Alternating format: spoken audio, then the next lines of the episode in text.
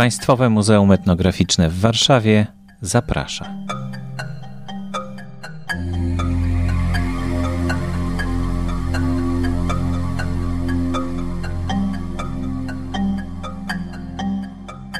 Małgorzata Jaszczot, Państwowe Muzeum Etnograficzne w Warszawie.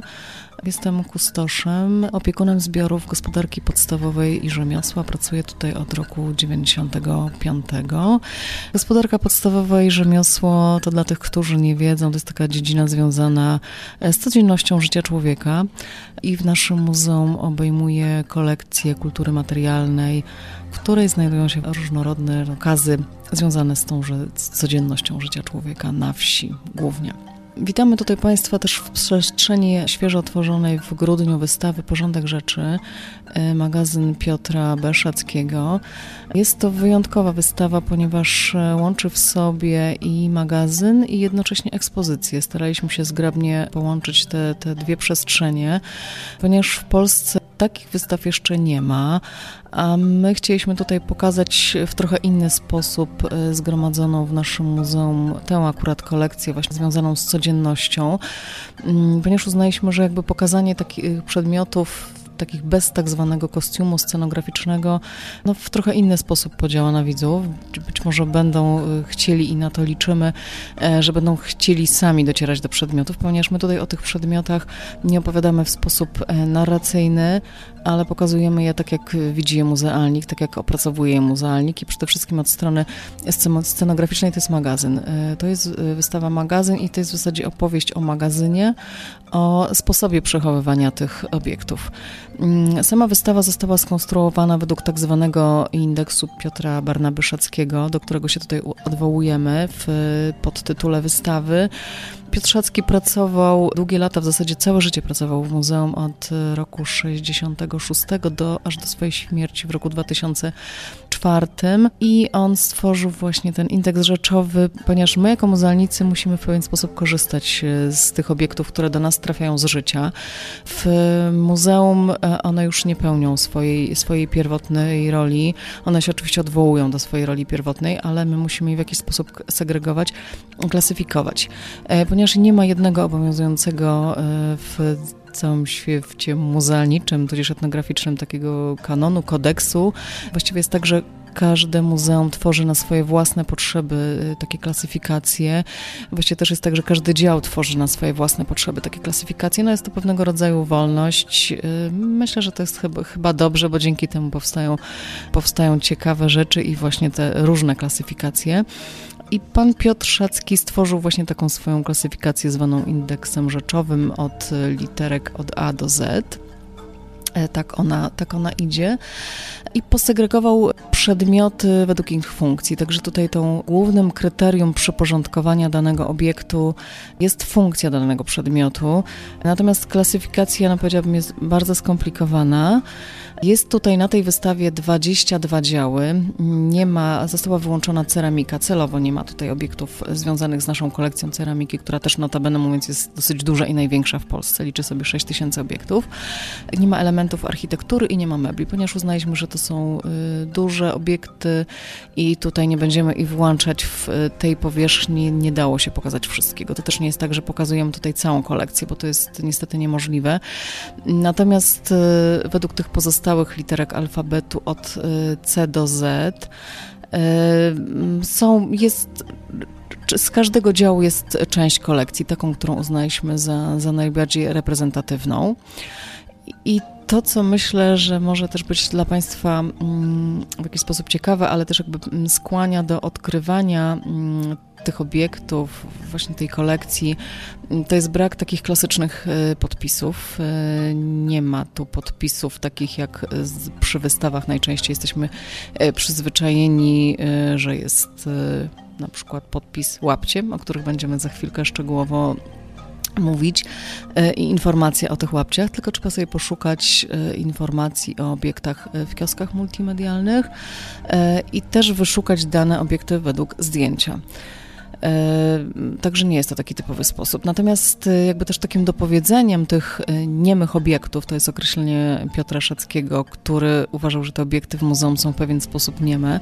W ramkach cyfrowych są, są zmontowane filmy, w których jest pokazane życie tych przedmiotów, te przedmioty w taki sposób, w jaki one występowały, bądź w jaki zostały wykonywane, bo są to w, też przyporządkowane do poszczególnych e, działów filmy i, i one pokazują na przykład w filmie e, w dziale produkcja rolnicza. Są oczywiście pokazane te wszystkie akcesoria, które, narzędzia, które były wykorzystywane w rolnictwie jako przykład, a na przykład w dziale rybołówstwo są pokazane narzędzia związane z rybołówstwem, cały sprzęt y, i oczywiście z tych filmów, do których mieliśmy dostęp ponieważ też staraliśmy się y, skorzystać z filmów, które były nakręcone przez pracowników naszego muzeum, właśnie między innymi też Piotra Szackiego, ale także goś, gościnnie użyczyło nam filmów Muzeum Fotograficzne w Toruniu i Muzeum w Kolbuszowej.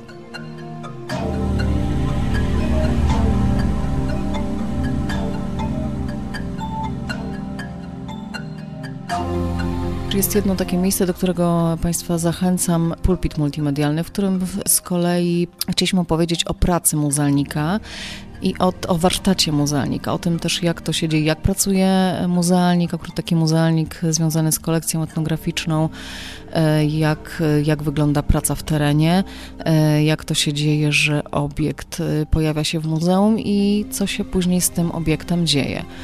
E, natomiast sam obiekt e, można obejrzeć na wystawie. To, co może być e, też czymś, czymś nowym, mm, to jest fakt, ponieważ my z tego, z tej wystawy korzystamy również tak jak z klasycznego magazynu. Znaczy my, pracownicy, korzystamy tutaj, zabieramy na przykład obiekty do pracowni fotograficznej, opracowujemy, wypożyczamy. Można tutaj spotkać muzealnika i, i jeśli komuś się tak zdarzy, to oczywiście jak najbardziej można z nim porozmawiać i uzyskać takie informacje na miejscu. Natomiast od 1 y, kwietnia na wystawach w naszym muzeum pracują asystenci muzealni, którzy też są e, przyuczeni do tego, żeby udzielać informacji, więc taki ktoś, taki opiekun sali nie jest tylko i wyłącznie takim, taką osobą pilnującą, która siedzi i patrzy, żebyśmy czegoś nie dotykali, ale można z e, takim opiekunem wystawy porozmawiać. E, może od 1 kwietnia to jest krótki czas, żeby się wszystkiego nauczyć, ale myślę, że, że aż asystenci sobie z tym radzą i, i myślę, że to też jest taka troszeczkę inna, inna forma kontaktu z, z miejscem, z tą przestrzenią i, i z tymi obiektami.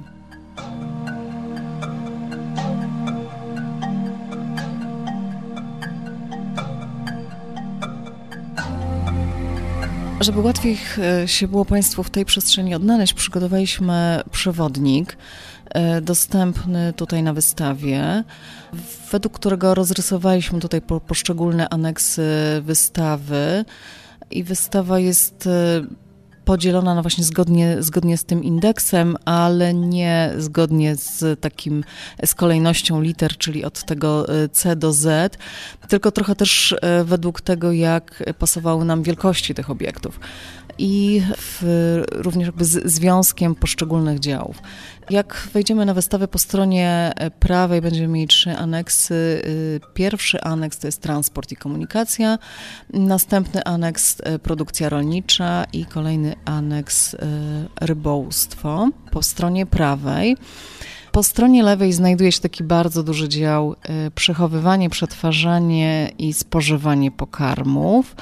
Następnym działem to będzie obróbka metali, e, kolejnym działem obróbka drewna i obróbka włókna, e, która również e, jest przeniesiona w aneksie na wprost. Po środku stoją regały, które również są opisane, żeby łatwiej można było się zorientować, przy jakim dziale jesteśmy.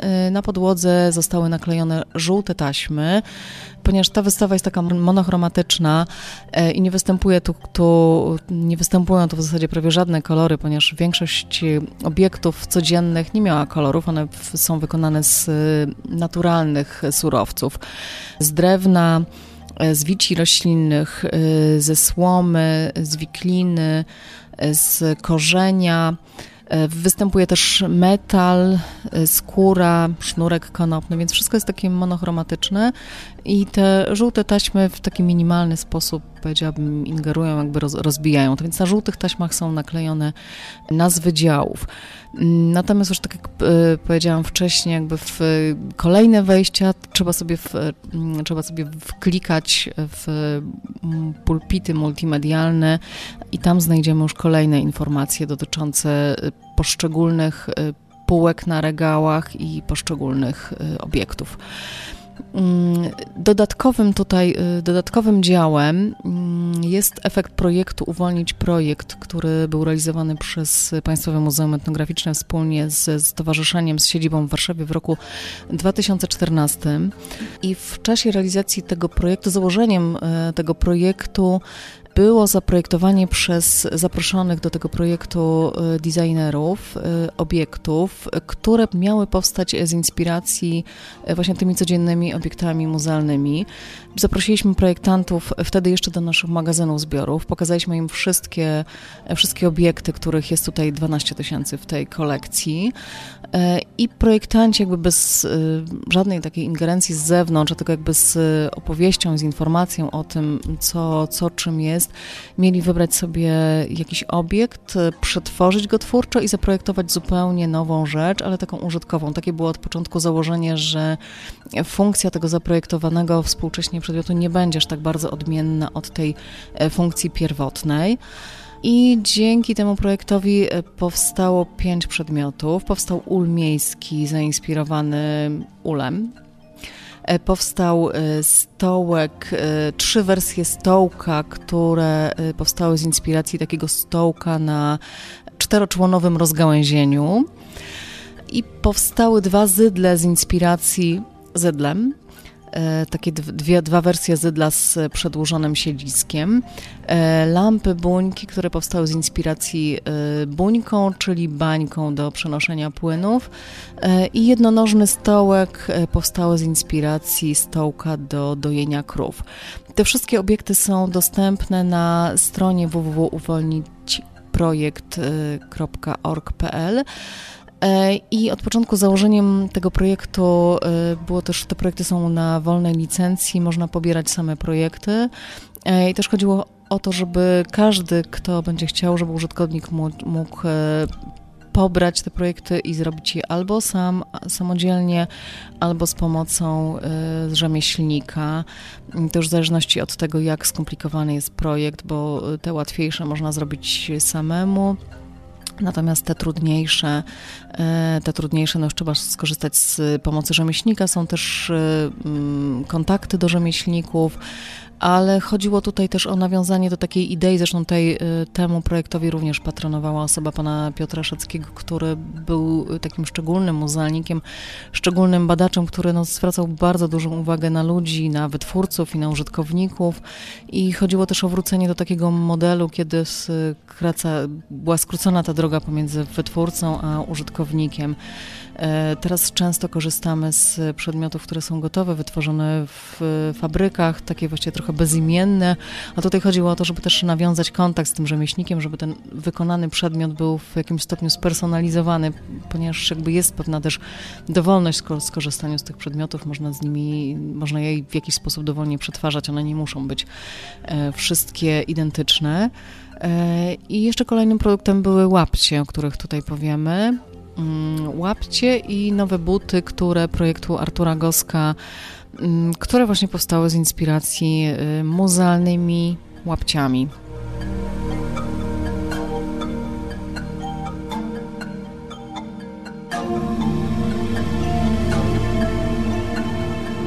Łapcie akurat tutaj konkretnie numer PME 4351, ponieważ w muzeum, jest, w muzeum jest tak dla tych, e, którzy nie wiedzą, każdy obiekt ma swój numer, żebyśmy mogli do niego trafić.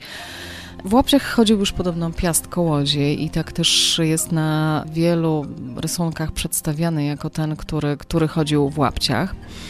Same łapcie właściwie już nie przetrwały w tej chwili jako mm, obuwie, w których się chodzi, aczkolwiek e, potocznie używa się też tego określenia łapcie y, odnośnie butów takich e, lekkich, kapci, łapci, pantofli, w których chodzimy, wchodzimy w domu.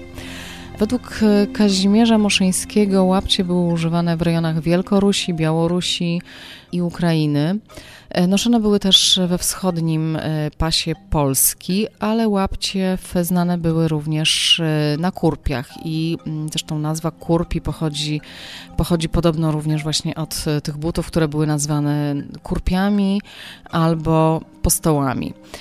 O łapciach pisał też Jędrzej Kitowicz w XVII wieku, ale tak jak wspomniałam, w tej chwili one już nie występują jako element stroju, były noszone jeszcze gdzieś do II wojny światowej, natomiast później łapcie zanikły.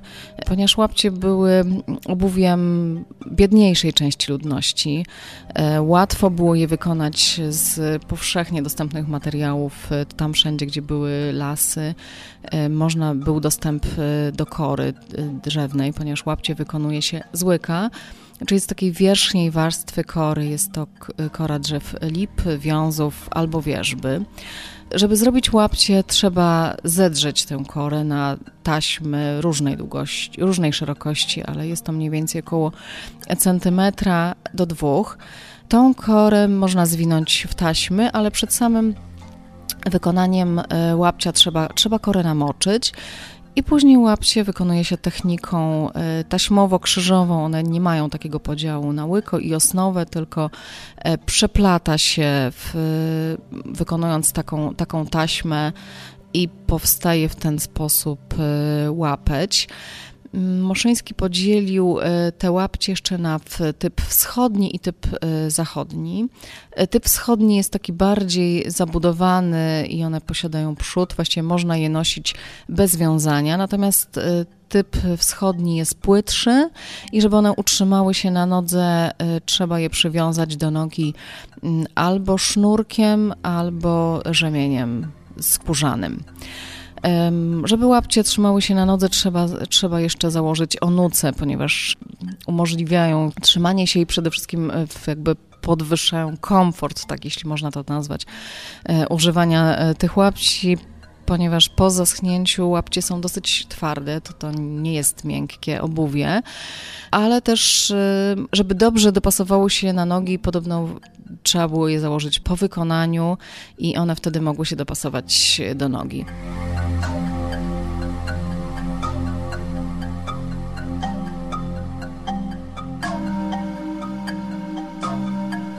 Łapcie były wykonywane najczęściej przez mężczyzn w zimie i wykonywano tych par dużo, ponieważ przez lato te buty się zdzierały. Podobno w okresie takich natężonych e, prac polowych e, jedne, jedne łapcie wystarczały na cztery dni, jeżeli były tak intensywnie używane. Natomiast jeżeli trochę rzadziej, to oczywiście mogło wystarczyć na dłużej ale być może pewnie po wykorzystaniu jakby całej takiej puli łapci można było na bieżąco mm, wykonać sobie nowe i też często się mówiło, że chłop e, wchodził na drzewo bosy, a schodził o buty, ponieważ łatwo je było właśnie z tych, z tych taśm wykonać i, i mieć kolejną parę obuwia. E, w Łapcie są też elementem jednego ze strojów ludowych, takiego najbardziej archaicznego e, stroju, stroju biłgoradzkiego, który sam jest, e, to jest strój uszyte z lnu, a więc jakby też element, e, dodatek do tego stroju też jest taki archaiczny i to są, to są właśnie łapcie. W tej chwili mm, jest jeden rzemieślnik, który, który potrafi wykonać te łapcie. Mm, to jest pan Sawonik, który mieszka pod Białym Stokiem i on wykonuje te łapcie już tylko i wyłącznie na potrzeby zespołu ludowego i tak też, tak też zaczął te łapcie robić. Powiedział, że pamięta, jak jeszcze w okresie wojennym jego tata te łapcie wykonywał. Później przez długie lata łapcie były już y, nikomu niepotrzebne, nie były używane, a w momencie, kiedy na wsi, na której, y, której mieszka pan Sawonik, y, powstał zespół ludowy i w ten zespół chciał też to tworzyć strój, otworzyć y, obuwie, w jakim kiedyś na tych terenach chodzono, to pan Sawonik spróbował sobie tą technikę przypomnieć i tak też zaczęły te y, łapcie powstawać i do tej pory pan Sawonik, y, jeśli jest takie zapotrzebowanie, bierze udział w pokazach. U nas był w roku 2014 podczas Nocy Muzeów i też pokazywał, jak się takie łapcie wyplata, ale też jako ciekawostka podczas przygotowań do filmu Wojna Warszawska scenografowie tego filmu poszukiwali mm, kogoś właśnie, kto, kto potrafiłby wypleść takie łapcie, ponieważ były potrzebne do scen z armią radziecką, ponieważ armia radziecka chodziła w łapciach i też e, dbano o to, żeby żeby te sceny były jak najbardziej prawdziwe co do szczegółów. Zwrócono się tutaj do, do nas, do muzeum o pośrednictwo właśnie w odszukaniu kogoś, kto, kto będzie potrafił te łapcie robić. I też y, została pewna partia zamówiona u, u pana Sabonika właśnie na potrzeby, na potrzeby y, filmu Bitwa Warszawska. Jeśli chodzi o buty, łapcie, które zostały zaprojektowane przez Artura Goska w 2014 roku jako właśnie jeden z efektów projektu Uwolnić Projekt, Artur zainspirował się tą techniką, chciał wykonać but ponieważ e, wydawało się, że tak, że buty noszą wszyscy, że pojawi się zainteresowanie tymi butami, które no, mają ścisły związek z tradycją. E, pojechaliśmy też do pana Sawonika, żeby, e, żeby zobaczyć, jak wygląda wykonanie butów tym splotem krzyżowym. Pan Sawonik wykonuje te buty z kory wiązowej. Akurat nie, nie, nie wykonuje już z łyka lipowego, ale taki materiał ma dostępny i jest to kora wiązu. I tam Artur Gosk no, przypatrywał się tej technice, a później zaprojektował y, buty własne, ale już z materiału syntetycznego, ponieważ no, trudniej byłoby nam współcześnie na pewno wchodzić w takich, w takich łapciach, e, które boku wydają się niewygodne, ale na pewno chroniły stopy i skoro ludzie w nich chodzili, to znaczy, że dało się, dało się je użytkować. Buty na takiej grubej podeszwie, modnej w tej chwili, no ale na pewno też wymagają trochę pracy, bo żeby wypleść sam wierzch, to troszeczkę trzeba, trzeba się przyłożyć. Nie można ich wykonać samemu, bo myślę, że to byłaby trochę trudna technika. Mm, warto jest skorzystać z pomocy zaprzyjaźnionego szewca i myślę, że wtedy takie, takie łapcie, takie hipsterskie łapcie mogą powstać. Zresztą Artur tutaj nam opowiadał taką anegdotkę, że próbował się dostać e, do jakiegoś klubu tutaj w Warszawie, gdzie normalnie nie, nie, nie chciano go wpuścić, a w tych butach został wpuszczony.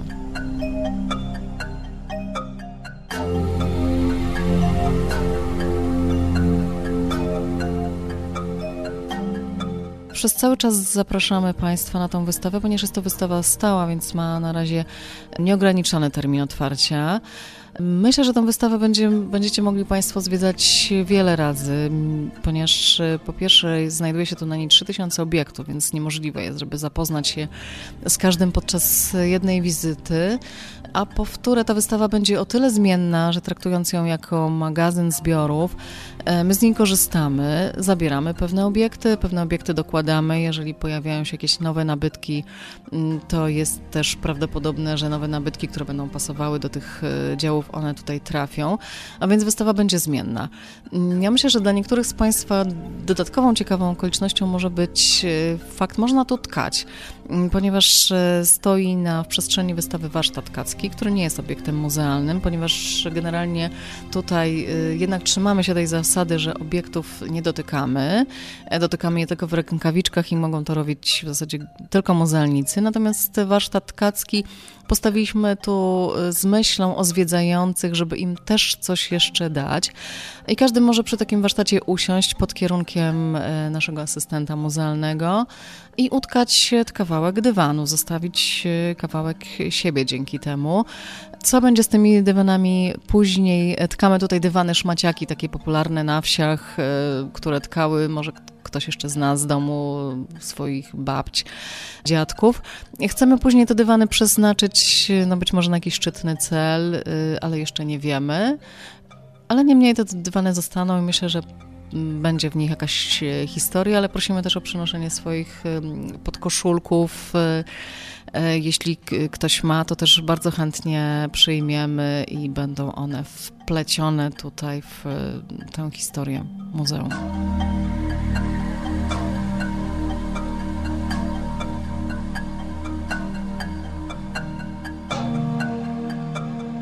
Wystawie towarzyszą też filmy z Archiwum Państwowego Muzeum Etnograficznego w Warszawie. Filmy związane głównie z rzemieślnikami, i filmy, w którym jednym z autorów e, był e, pan Piotr Szacki. Zachęcamy do, nie, do obejrzenia tych filmów, ponieważ to już są filmy archiwalne. Pierwszy muzealny film powstał w roku 67 i to jest taki słynny już film Garnki ze Studzianego Lasu. Można go też obejrzeć w serwisie YouTube, ale tutaj w przestrzeni tej wystawy być może w inny sposób mm, zadziała na Państwa, ale są też pokazywane inne filmy i być może tylko dla etnografów, ale, ale, ale być może tak, także nie tylko. Prezentujemy film zrealizowany e, kilka lat temu w Państwowym Muzeum Etnograficznym e, w Warszawie. Film e, etnografii film i film ten opowiada o tym, jak etnografowie kręcą filmy w terenie.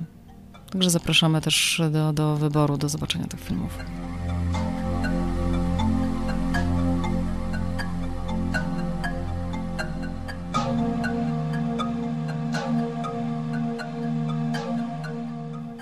Więcej szczegółów i notatki do podcastu na stronie pme.podcasty.info. Strona Państwowego Muzeum Etnograficznego w Warszawie etnomuzeum.pl. Zapraszamy do subskrybowania audycji przez iTunes. Podcast wspierany jest przez Fundację Otwórz się. Możesz pomóc w tworzeniu kolejnych audycji, przekazując dotacje na stronie otwórzsie.org.pl. Dziękujemy.